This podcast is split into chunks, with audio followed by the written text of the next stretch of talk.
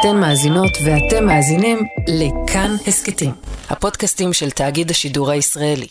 2023 כבר כאן, ותמיד אתם יודעים, כשמתחילה שנה חדשה ומסתיימת זו הקודמת, יש סיכומים ותחזיות וניתוחים, וכך באופן טבעי, לצד רשימת רגעי הספורט הגדולים של השנה שחלפה וההסדרות הטובות של השנה הנכנסת, קיבלנו את התחזיות הכלכליות, ואלו אשררו ואפילו העמיקו את מה שכלכלנים מדברים עליו כבר לא מעט זמן. אנחנו במיתון. שנה חדשה וישראל ממשיכה להתייקר. הדלק, החשמל, המים והארנונה יזנקו מחר בבוקר. בהמשך גם מוצרי המזון יעלו. לפי קרן המטבע העולמית, שליש מהעולם יהיה במיתון במהלך השנה הקרובה. ודווקא בחלקים היותר עשירים, מצליחים ומשפיעים שלו, ארצות הברית כבר שם, סין, הכלכלה העצומה שעדיין בתנאי קורונה עם תחזיות שליליות שמכניסות את האחרים לכוננות. היי, hey, כאן חן ביאר ואתם על עוד יום, הסכת האקטואליה של כאן. כמו תמיד שהחדשות מתמלאות במונחים שאפשר ללכת בהם לאיבוד, אנחנו ננסה לעשות סדר ולספר את הסיפור הזה מההתחלה. שאול אמסטרדמסקי יהיה כאן ויסביר מה זה בכלל מיתון, למה הוא מגיע עכשיו, איך זה קורה ומה המשמעות של כל אלו. ובעזרת שרון לוין מפעמונים ננסה גם להיות פרקטיים ולהבין אם יש משהו שאנחנו כאנשים, כמשקי בית קטנים בתוך כל המשבר הגלובלי הזה, יכולים וצריכים לעשות. שלום שאול. היי חן. תראה, אנשים שעוקבים אחרי החדשות ומנסים להתעניין, שומעים בתקופה האחרונה מיתון, מיתון, מיתון, וזה קורה אחרי תקופות שהם שמעו הרבה על אינפלציה ועליות מחירים, ועוד הקורונה מתערבב להם. בואו ננסה ככה לבאר את המצב. מה זה מיתון בכלל? מיתון, באופן טכני, ההגדרה שלו, אה, זו תקופה של שני רבעונים רצופים, כלומר חצי שנה, שבמהלכה הכלכלה במקום לצמוח, היא מתכווצת. כלומר, רמת החיים במקום לעלות, יורדת. שאנחנו מצפים שהתהליך רוב הזמן יהיה הפוך, בעצם שהצמיחה תהיה משהו טבעי כזה שנמשך? נכון, וזה בעניין מאוד מאוד עמוק מה שאמרת עכשיו, גם הציפייה הזאת וגם המילה טבעי, כמו שציינת את זה שם, אין, אין בזה שום דבר טבעי. הדבר הטבעי היחידי הוא, וגם זה בערבון מוגבל, זה שהאוכלוסייה צומחת, ואז אם האוכלוסייה צומחת, אז באופן טבעי, במרכאות, אמורים להיות יותר אנשים עובדים, יותר מקומות עבודה, יותר צריכה, ולכן גם אה, יותר כלכלה, כן? שהכלכלה תצמח. זה לא קורה באופן טבעי, במובן זה שכולנו יושבים רגל על רגל וזה פשוט קורה, זה פשוט אומר שכולנו צריכים לעבוד מאוד קשה בשביל שזה יקרה. ולפעמים, כמו בתקופות של מיתון, זה לא קורה. We expect one third of the world economy to be in recession, and yes, even countries that are not in recession, it would feel like recession for countries of, of millions of people. מתי פעם אחרונה שהיינו במיתון כזה? אז הפעם האחרונה שהיינו במיתון כזה זה היה במהלך הקורונה. בעיקר בחלק הראשון של הקורונה, אני מחזיר אותך כמעט שלוש שנים אחורה, מרץ 2020, הממשלה כמעט בבת אחת, בפרק זמן של שבועיים, שלושה, משהו כזה, סוגרת פרקטיקלי כמעט את, את כל המשק. מיד שהתבררה חומרת הסכנה, נקטנו צעדים נחושים כדי להקדים תרופה למכה. סגרנו את גבולות המדינה, הנהגנו חובת בידוד נרחבת, הטלנו הגבלת התקהלות, דיללנו את מקומות העבודה. קשה לצמוח ככה. נכון. ואז באמת אה, אנחנו נכנסים למיתון, כי אנשים לא עושים כלום למעשה, חוץ מ, אתה יודע, לשבת בבית, הילדים בבית, יש אנשים שעובדים מהבית, אבל מיליון ומשהו אה, מובטלים לא עובדים בכלל, אה, עסקים נסגרים, עצמאים מפסיקים לעבוד, מקומות פיזית נסגרים, והכלכלה נכנסת למיתון. מה הולך לקרות עכשיו? מה מצפים, או מה חוששים יותר נכון שיקרה עכשיו? אז מה שהם חוששים עכשיו זה אה, אירוע מסוג אחר לגמרי. בקורונה זה היה מיתון, אני לא רוצה להגדיר אותו טכני, כי שום דבר לא היה טכני שם, אבל הוא נבע מזה שפשוט הממשלות סגרו את הכלכלה. פה אנחנו מדברים על חשש למיתון שינבע מתוך, ה, אה, אה, מתוך הנתונים הפנימיים של הכלכלה ולא מתוך איזשהו כורח חיצוני. כלומר שבגלל סיבות כלכליות אנחנו אה, נשקע במיתון. והחשש הזה הולך ככה. המחירים מאוד מאוד עולים בשנה האחרונה, אנחנו יודעים את זה, אנחנו מדברים על זה הרבה, זו האינפלציה שכל הזמן אה, אנשים אה, שומעים בחדשות, המחירים עולים אה, מאוד מהר, בישראל עוד יחסית מעט ביחס למקומות אחרים בעולם, אבל יש מדינות שבהן האינפלציה, מדינות רבות שבהן האינפלציה היא כבר דו-ספרתית, וזה כבר בהחלט אה, אה, סיבה לדאגה. הנשק הלא היחידי, אבל העיקרי שיש לנו בשביל להתמודד עם האינפלציה, הוא נשק לא מאוד טוב, הוא לא יעיל במיוחד, הוא לא אה, מדויק, והוא גורם הרבה מאוד נזק על הדרך, והנשק הזה זה הריבית. כשהבנקים המרכזיים ברחבי העולם, ובהם גם בנק ישראל, מעלים את הריבית, הם מנסים על ידי כך לדכא את האינפלציה. רק בשביל אה, להסביר שניונת איך המנגנון הזה עובד, נניח כן שלך יש המון כסף פנוי, אוקיי? הלוואי. בדיוק, סיפור אמיתי. בנק ישראל מעלה את הריבית, ואז אתה חושב, יואו, מה אני אעשה עם כל הכסף הפנוי שלי? ואתה יודע שבגלל שהריבית עלתה, אז פתאום בפיקדון של הבנק, זה המשעמם שלא הסתכלת עליו כבר איזה אלף שנה, כי הריבית הייתה אפס, פתאום הוא נהיה אטרקטיבי, פתאום אפשר לקבל שם שלושה וחצי אחוז, ארבעה אחוז, כמעט בלי סיכון. אז אתה אומר לעצמך, סבבה, אני את כל הכסף הפנוי שלי אשים בפיקדון בבנק. ואז, יש לך פחות כסף פנוי. אם יש לך פחות כסף פנוי, אתה תצרוך פחות. ואם יהיה פחות ביקוש לצריכה, פחות ביקוש באופן כללי, אז המחירים אמורים להירגע, כי אנשים שמוכרים לנו שירותים, מוצרים, מה שזה לא יהיה, אין להם סיבה להמשיך לדחוף את המחיר, כי אין ביקוש כל כך גבוה. זה המנגנון התיאורטי שבו העלאת הריבית אמורה לעבוד. העניין הוא שהעלאת הריבית, כמו שאמרתי קודם, היא גם נשק שהוא מכאיב לפעילות הכלכלית. עכשיו, זו לא טעות, זה מה שבנק ישראל מנסה לעשות, הוא מנסה לצנן קצת את הפעילות הכלכלית בשביל שהמחירים יירגעו. כלומר, מה, הוא קצת רוצה את המיתון הזה? הוא לא רוצה מיתון, הוא רוצה להאט, להאט את הפעילות הכלכלית בשביל לדכא את הביקוש כלפי מטה, והחלום הרטוב של בנק ישראל ושל כל בנק מרכזי, הוא לעשות את זה בעדינות כזאת כמו... אה, דמיין פיל בחנות חרסינה, אבל כזה שיודע לרקוד באופן מושלם, כך שהוא רק נוגע בוואזות והן לא נופלות. ככה בנק ישראל אה, אה, רוצה שזה בסופו של דבר יהיה, כלומר, שהוא יצליח להעלות את הריבית בדיוק לרמה שבה זה עוצר את המחירים, מבלי שהכלכלה שוקעת למיתון, אלא רק מאיטה קצת. ואז המחירים ככה יורדים להם, ואז משם הכלכלה ממשיכה לנסוע אל האופק שהיא צומחת באופן בטוח, וזה זה החלום של בנק ישראל.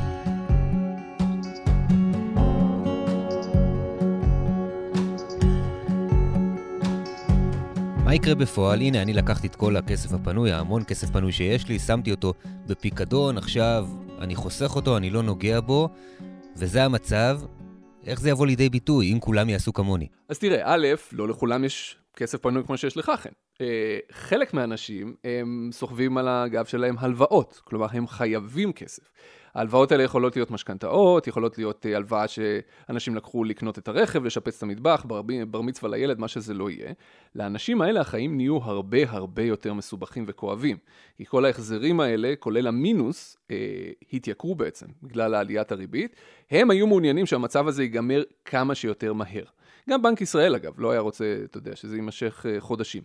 בצד השני, של האנשים שיש להם כסף, אנחנו רואים את הציבור מגדיל במידה ניכרת את ההפקדות שלו אה, לפקדונות אה, בבנקים, עשרות מיליארדי שקלים כל חודש, כך שהדבר הזה אמור להאט את האינפלציה, אבל אנחנו למעשה נמצאים כרגע בנקודת זמן קריטית. לפי התחזיות של בנק ישראל, ששוות, אתה יודע, צריך לקחת אותן בערבות מוגבל, לפי התחזיות האלה עברנו את שיא האינפלציה בנובמבר. אנחנו עדיין לא יודעים אם התחזית הזאת מתממשת בפועל, כי עוד אין לנו נתונים לדצמבר, יהיו לנו עוד שבוע וחצי, ואז אנחנו נוכל לראות אם אנחנו באמת במגמה של בלימת האינפלציה, אבל בכל מקרה, גם אם כן, גם אם לא, התהליך הזה אמור להיות מאוד הדרגתי. כלומר, בנק ישראל צופה שהאינפלציה, הגידול באינפלציה, ייבלם בתוך שנה. כלומר שגם בתוך שנה אנחנו עוד לא נהיה בסייף זון, המחירים עדיין ימשיכו לעלות פשוט בקצב יותר איטי קצת, אה, ואם זה באמת יקרה בתהליך הדרגתי, אז יכול להיות שהכלכלה אה, לא תשקע במיתון. אם אתה רוצה, אני אתן לך גם קצת מספרים. אתה רוצה מספרים? לך על זה. אז ככה, בשנת 2022, הכלכלה שלנו צמחה מאוד מאוד מהר. משהו כמו יותר מ-8 אחוזים, שזה המון. אז זה בעיקר תיקון מהשנתיים הקשות אה, של הקורונה. כי יצאנו מהבית סוף סוף וחזרנו לעבוד. בדיוק, יצאנו מהבית, אה, לקחת את כל הכסף הפנוי שלך, בזבזת אותו, צרחת איתו, כולנו טסנו לחו"ל 5,000 פעם, כלכלה מאוד מאוד צמחה. השאלה היא מה יקרה לשנת 2023. והתחזית של בנק ישראל ל-2023 זה שהכלכלה תצמח, כלומר שאנחנו לא נהיה במיתון, אבל אנחנו נצמח פחות. אנחנו נצמח בפחות משלושה אחוזים, שזה גם פחות ממה שבנק ישראל חשב לפני כמה חודשים, וגם פחות מקצב הצמיחה הממוצע שלנו, או מפוטנציאל הצמיחה שלנו. שים לב, אנחנו עוברים מיותר מ-8 אחוזי צמיחה לפחות מ-3 אחוזי צמיחה. זה אומר שאנחנו עדיין צומחים, הכלכלה עדיין צומחת, אבל משמעותית פחות. מה זה אומר על החיים שלנו? זה אומר ש... אם טסנו המון לחו"ל, אז אולי נטוס פחות. אם הלכנו המון לאכול בחוץ, אז אולי נאכל פחות. וכל אחד, אתה יודע, תלוי בעשירון שהוא נמצא. אם קנינו הרבה מזון, אז אולי נקנה פחות בעשירונים מסוימים. 11 שקל. אתה מבין שעד לפני פחות משנה, הדבר הזה עלה 5.90. מה אתה רוצה? מה? יש לנו בבית. יש לנו בבית. אתה חייב בסופו של דבר לקנות לו משהו. זה... גם ככה אתה מרגיש איסורי מצפון בחיי היום-יום שאתה אומר לו את הלא הזה. על דברים שבעבר היית אומר לו כן. אבל זה בממוצע, כי בצד ההאטה הזאת בפעילות הכלכלית, יש גם למשל עלייה באבטלה. בנק ישראל צופה שהאבטלה תעלה לשנה הבאה, ואנחנו רואים את זה כבר מסביב. אנחנו רואים פיטורים, גם בצפון, איפה שאתה נמצא, גם בהייטק, בכל מיני מקומות. אה, ראינו פיטורים אה, בסודסטרים בדרום, אנחנו רואים פיטורים. הדבר הזה קורה בגלל שבנק ישראל מעלה את הריבית, מה שאומר שלחברות עסקיות הרבה יותר קשה להתממן, הוצאות הריבית שלהן יותר גבוהות, יש להן פחות מקום לרווח, ולכן הן מפטרות עובדים ועובדות, והדבר הזה יימשך. ככל שאנחנו נראה את הריבית עולה, והיא עדיין עולה. לכן יש פה הרבה מאוד כאבים בדרך, ובנק ישראל מאוד מאוד מאוד מקווה שלא ניכנס למיתון, אלא רק להאטה. אם זה באמת ייגמר בזה, זה יהיה עדיף עשרות מונים על תרחיש שבו המחירים ממשיכים להשתולל בצורה בלתי נשלטת, כי אז המשכורת שלך ושלי פשוט לא שווה את, ה, את המספר שכתוב ביום שאנחנו מקבלים אותה.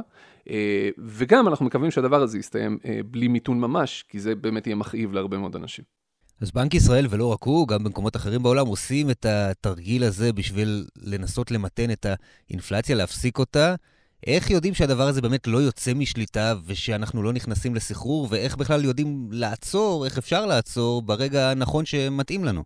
שאלה נהדרת, בין היתר כי אה, זמן התגובה ומרחק הבלימה כתוצאה ממדיניות הריבית של בנק ישראל הוא ארוך, בין חצי שנה לשנה. כלומר, יכול להיות שכבר עכשיו בנק ישראל צריך לעצור את העלאות הריבית ולחכות. הבעיה שאנחנו לא נדע את זה עד עוד 4, 5, 6 חודשים קדימה.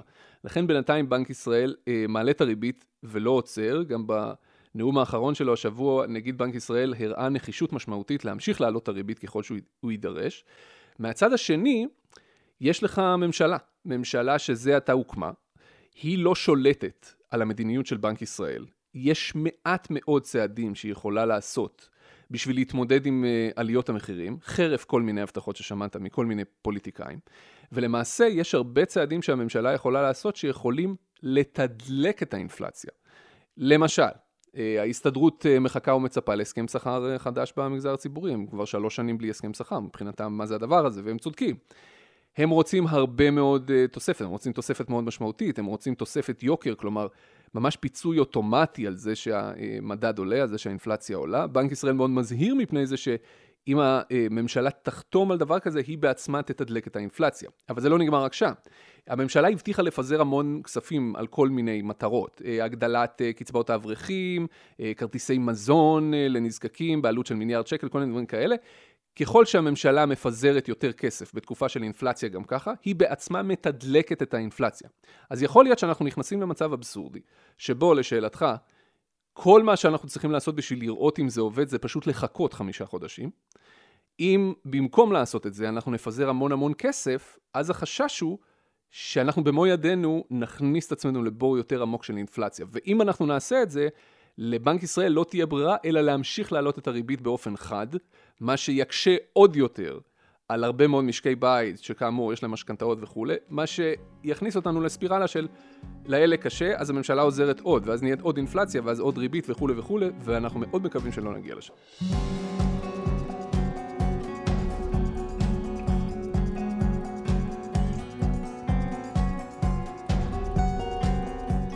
שומע שלא מעט, בעיקר בעולם, חוזרים למשבר ההוא של 2008, ואומרים, הרי רגע, כל העניין הזה עם הריבית המאוד מאוד נמוכה שעכשיו מעלים התחיל אז בשביל לפתור את המשבר הקודם, שאנחנו אולי קצת פחות בטראומה ממנו, כי בישראל הוא היה פחות דרמטי, אבל זה בעצם גלגול של אותו משבר שקשור למה שהיה אז, בעשור הקודם-קודם? במובן מסוים כן, כי... אה... הריבית היא אחד הכוחות החזקים ביותר שמעצבים את חיינו, גם אם אנשים לא מודעים לזה. אה, במשבר ההוא הריבית ירדה לאפס, ונשארה שם יותר מעשור, מה שניפח הרבה מאוד בועות, כמו בועת נדל"ן ובועת הייטק וכל מיני בועות אחרות, שאנחנו מרגישים אותן אה, עד היום. אז במובן זה, אה, השורשים עוד אה, התחילו שם. וחוץ מזה, לכל משבר, יש נטייה קצת להידמות למשברים קודמים, או יותר נכון, אנשים מחפשים קווי דמיון בכל משבר למשברים קודמים. יש אנשים שמשווים את זה, נגיד, לא ל-2008, אלא למה שקרה ב-2001, כשהתפוצצה בועת ההייטק, כי ראינו עכשיו המון המון נפילות במניות של uh, חברות הייטק. יש אנשים שמשווים את זה למיתון של uh, תחילת שנות ה-70, זה שהוביל להיפר-אינפלציה בשנות ה-80 ולשינוי של הרבה מאוד דוגמות כלכליות. אנחנו לא באמת יודעים, ויכול להיות שעוד חצי שנה מהיום אנחנו, אתה יודע, מקום הרבה יותר טוב. יכול להיות שבדיוק ההפך. אם יש משהו שלמדנו מהשנתיים וחצי האחרונות, זה שלחזות את העתיד זה מאוד מאוד קשה, ובפרט בתקופה כזו של אה, אי-ודאות קיצוני. ואפרופו הייטק, זה שאנחנו כאן בישראל כל כך מסתמכים על ההייטק המצליח שלנו, ואולי אפילו נותנים לו לגרור את הכלכלה שלנו ולפצות על מקומות שבהם אנחנו פחות טובים, זה אומר שאנחנו בסיכון יותר מאשר במקומות אחרים בעולם? זה אומר שבניגוד לקורונה, שבמהלכה ההייטק מאוד מאוד פרח ולכן המשק הישראלי פחות נפגע מהמיתון העולמי, הפעם באמת הירידה של ההייטק אה, מושכת אותנו אה, כלפי מטה. אה, אני לא יודע אם היא מגדילה את הסיכוי שלנו למיתון כן או לא, אבל היא בהחלט מקשה על הממשלה במובן זה ש... אנשי ההייטק משלמים הרבה מאוד מיסים, גם החברות עצמן, חלקן, לא כולן, אלה שהן אה, בינלאומיות לא, אבל אה, המקומיות כן, וגם העובדים בעיקר, העובדים והעובדות משלמים הרבה מאוד מיסים, והממשלה צריכה את כל ההכנסות האלה ממיסים בשביל לתת שירותים ציבוריים, קל וחומר בתקופה של מיתון. אם דווקא הענף הזה ייפגע משמעותית, כך שיהיו שם פיטורים בהיקף נרחב מאוד. אנחנו עוד לא רואים כזה היקף, אנחנו רואים היקף מסוים, אבל לא היקף נרחב מאוד. אם חלילה נגיע לשם, אז באמת הכנסות הממשלה ממיסים יתכווצו משמעותית, ואז תהיה גם פגיעה בתוצר וגם פגיעה ביכולת של הממשלה להתמודד עם המשבר הזה. זה לא איזה קטסטרופה שבגללה הכלכלה הישראלית תתפרק לחלוטין, אבל זה בהחלט יהפוך את זה ליותר מסובך. באופן אישי, עד כמה אתה מודאג כשאתה שומע את כל התחזיות, או שאתה אומר, חכו, בוא נראה מה יתממש בפועל ומה פחות, ולא להיכנס לפאניקה. אני חושב שאם צלחנו את הקורונה, ואם צלחנו את uh, משבר 2008 שהזכרת קודם, יש לנו uh, סיבות טובות להאמין שאנחנו uh, נצלח גם את המשבר הזה. זה נכון שאם יהיה מיתון באירופה ומיתון בארצות הברית, יהיה לנו קשה מאוד לא להידבק בו, כי בסוף אלה uh, שותפות הסחר העיקריות שלנו, אבל האמת היא שהכלכלה הישראלית היא כלכלה די חזקה. אה, היא הוכיחה יכולת עמידות אה, משמעותית אה, במשברים הקודמים, במיתונים הקודמים, ויש לנו הרבה סיבות לאופטימיות. אנחנו צריכים לוודא, אפרופו הממשלה החדשה, שאנחנו לא הורסים את החלקים החזקים בכלכלה הישראלית, אלא להפך, דווקא מצמיחים אותה, מכניסים ציבורים שלמים חדשים לתוך שוק העבודה ומזניקים את הכלכלה קדימה, כך שברגע שהמיתון הזה יסתיים אנחנו נהיה במקום טוב לצאת ממנו, כמו אגב מה שקרה במהלך הקורונה. זה בעיקר מה שהייתי רוצה שהממשלה תעשה ולא אה, תעמיק את המיתון במו ידיה, אבל בגדול אני יותר אופטימי מפסימי. אז הנה, סיימנו בכל זאת אופטימי, ועכשיו רק נשאר לי, אתה יודע, ללכת לחפש את כל הכסף שלי שהפקדת לי בפיקדון, לראות מאיפה הוא צמח פתאום. בדיוק. תודה רבה, שאול. תודה, חן. שרון לוין היא מנהלת ההסברה בארגון פעמונים, ארגון שמסייע למשפחות בהתנהלות כלכלית נכונה. שלום שרון. שלום וברכה. דיברנו עד עכשיו הרבה תיאוריה. מה צריכים המאזינים שלנו לעשות כל אחד במשק הבית הפרטי שלו, בהתנהלות הכלכלית האישית שלו? האם יש משהו שאנחנו יכולים לקחת מכל זה וצריכים אולי לחשוב עליו מחדש? דבר ראשון, הרבה פעמים משפחות הן לא יודעות על מה הן מוציאות כסף וכמה הן מוציאות כסף. הדבר הראשון שאנחנו ממליצים זה לשבת ולעשות איזשהו מיפוי מאוד מאוד אה, בסיסי על מה מוציאים כסף, אה, הוצאות, לבדוק מה ההכנסות, כי הרבה פעמים גם בהכנסות, בדרך כלל יודעים מה השכר וכולי, אבל הרבה פעמים אנשים אה, מגיעים להם כל מיני הנחות וזכויות בביטוח לאומי או מול הרשות המקומית, והם לא, לא ממצים את הזכויות שלהם, אז אנחנו גם עוזרים להם לעשות סדר בהכנסות, לבדוק האם יש איזה שהם נכסים, איזה שהם חסכונות, אה, שאולי יכולים לעזור להם אה, בתקופה הזאת, ו- ומה ההתחייבויות, כמה חובות יש ומה זה אומר. זה שעלתה הריבית שבע פעמים בתקופה האחרונה, מה זה אומר על ההחזר החודשי ועל הפריסה וכולי, וכמובן אה, גם המשכנתה ש- שנכנסת לתוך הדבר הזה. בעצם את אומרת שאנשים לא תמיד בהכרח יודעים כמה כסף הם מוציאים וגם מה המשאבים שעומדים לרשותם. זה לא דבר שהוא מובן מאליו. ממש, אנחנו גם רואים בפנייה אלינו, יש לנו טופס פנייה אה, מקוון וכולי, ואנחנו רואים יש פער של בין משהו כמו 30 אחוז בין מה שהם חושבים שהם מוציאים לבין ההוצאות האמיתיות שלהם. זה פער שהוא מאוד לזה? מאוד משמעותי.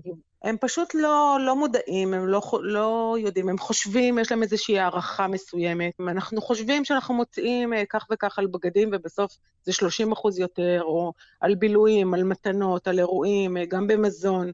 בטח בתחומים של ביטוחים ופנסיה, רוב האנשים אין להם מושג, הם לא יודעים אה, כמה כסף יש להם בפנסיה, כי זה נושא שהוא אה, מפחיד, הוא קשה, אף אחד לא לימד אותנו את זה, זה לא משהו שכיף לנו להתעסק בו, ופשוט אה, שמים את זה בצד ולא לא רוצים אה, להתעסק בזה. אז עכשיו שאנחנו מודעים יותר, מה אנחנו יכולים לעשות במצב החדש שנכנסנו אליו בתקופה האחרונה. ההוצאות מן הסתם גדלו בעבור הרבה משפחות בצורה משמעותית, ובהנחה שאין כאן איזשהו סכום כסף שעומד לרשותנו שלא ידענו עליו, או שאין איזושהי הוצאה שצמצמנו שמשפיעה דרמטית על מצבנו, מה אנחנו יכולים בכלל לעשות מול המציאות הזאת?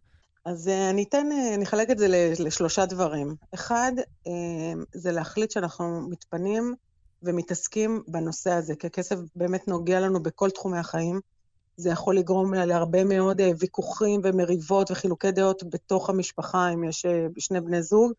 אמ, אבל צריך לשבת ולהחליט שאנחנו מדברים על זה ומטפלים בזה, מפנים לזה זמן. הרבה פעמים שיחת טלפון אחת מול אה, ספק תקשורת יכול להוריד פלאים את העלות, וזה באמת משהו שאנחנו חייבים לשבת ולדבר עליו.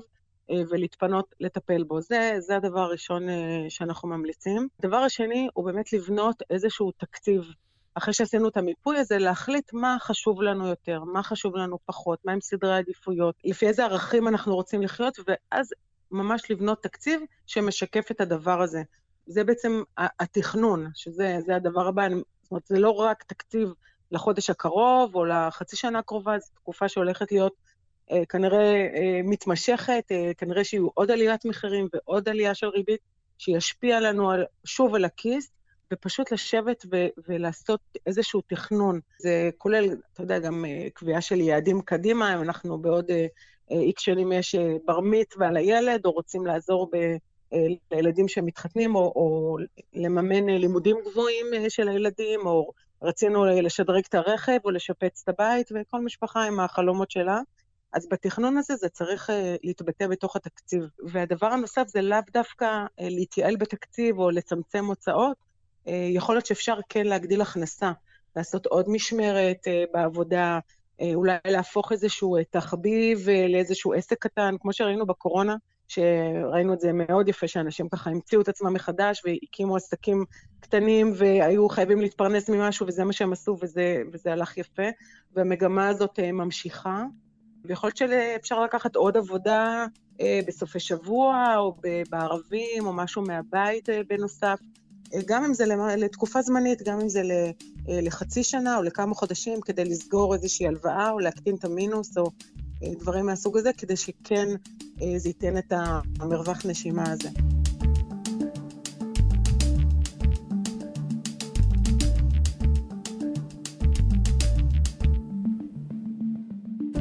מהניסיון שלך, מה בדרך כלל הכלי שהוא יותר משמעותי? זה באמת היכולת להצטמצם ולהוציא פחות, או אולי באמת אולי להמציא את עצמנו מחדש, או לשאת על עצמנו עבודה נוספת, אה, עם כל הקושי שבדבר, ולהגדיל את ההכנסה של משק הבית?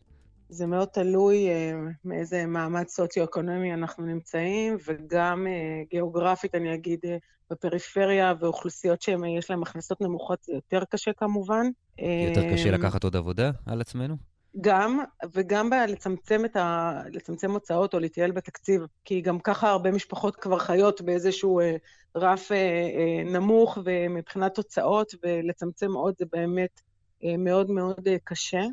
מה שאנחנו רואים, שאני חושב שאולי הוא אה, די ייחודי למשבר הזה שמתחיל, שבעצם אנשים שהיו להם התחייבויות, ולכמעט כולם יש התחייבויות, משכנתאות או הלוואות כאלה ואחרות, שפתאום טפחו באופן דרמטי, ואנשים לא לקחו אולי מספיק את הדבר הזה בחשבון ולא יודעים איך להתמודד עם זה. נכון, אז לכן צריך uh, לעשות uh, איזשהו uh, חישוב מסלול מחדש ולראות באמת מה העלויות האמיתיות, כמו שאמרתי קודם. אה, ולראות מה ניתן לעשות. עכשיו, יש, אה, יכול להיות שאין, באמת אין מה אה, כרגע למחזר משכנתה, בגלל שהתנאים כרגע אולי פחות טובים ממה שהיה לפני חצי שנה אפילו, ויכול להיות שצריך כרגע לחרוק שיניים ולראות מה כן אפשר לעשות, אבל צריך להסתכל על המציאות בעיניים ולא לא לטמון את הראש בחול. ולנסות לראות מה, מה כן אפשר לעשות מתוך המציאות המאתגרת מאוד הזאת. שרון, תודה רבה. תודה רבה.